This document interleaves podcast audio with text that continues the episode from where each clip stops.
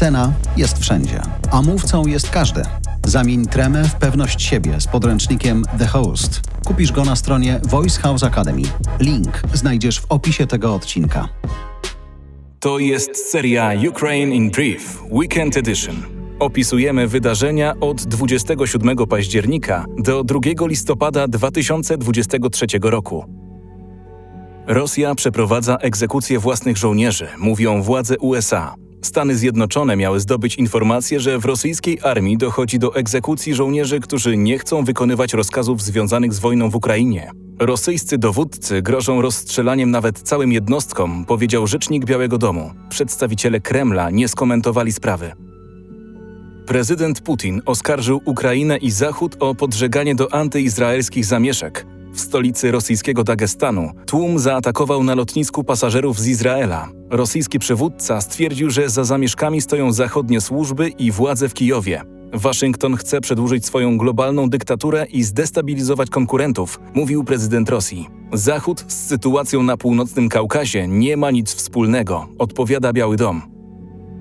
Rosyjska armia gromadzi zapas rakiet. W październiku Moskwa zmniejszyła ataki rakietowe na ukraińskie miasta. Media z Kijowa piszą, że może się to skończyć serią zmasowanych ataków na ukraiński system energetyczny w czasie zimy. O przygotowaniach Rosji do bombardowań infrastruktury krytycznej pisał też brytyjski wywiad.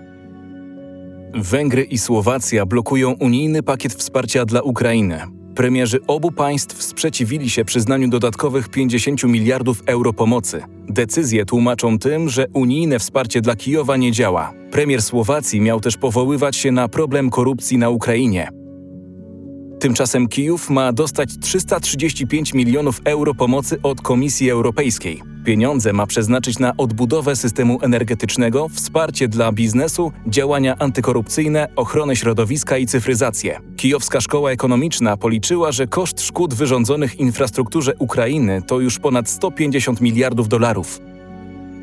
Duży atak rosyjskich hakerów. Grupa cyberprzestępców włamała się na serwery producenta samolotów Boeing. Grożą, że upublicznią bardzo wrażliwe dane. Żądają od amerykańskiej firmy okupu. Boeing jest nie tylko producentem samolotów cywilnych, ale też dostawcą sprzętu wojskowego.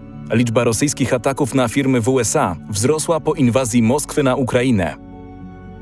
Ukraina uruchamia pierwszą krajową maszynę do usuwania min.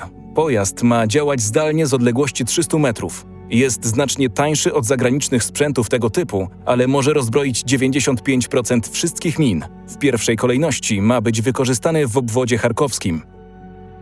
Prawie 1400 dzieci uczy się w szkole otwartej w metrze w Charkowie. Podziemne sale lekcyjne pozwalają na naukę stacjonarną w bezpiecznych warunkach. Od początku wojny Rosjanie zaatakowali 3,5 tysiąca placówek edukacyjnych, mówi premier Ukrainy. Redakcja Martyna Maconko. Dystrybucja Kasia Harbar.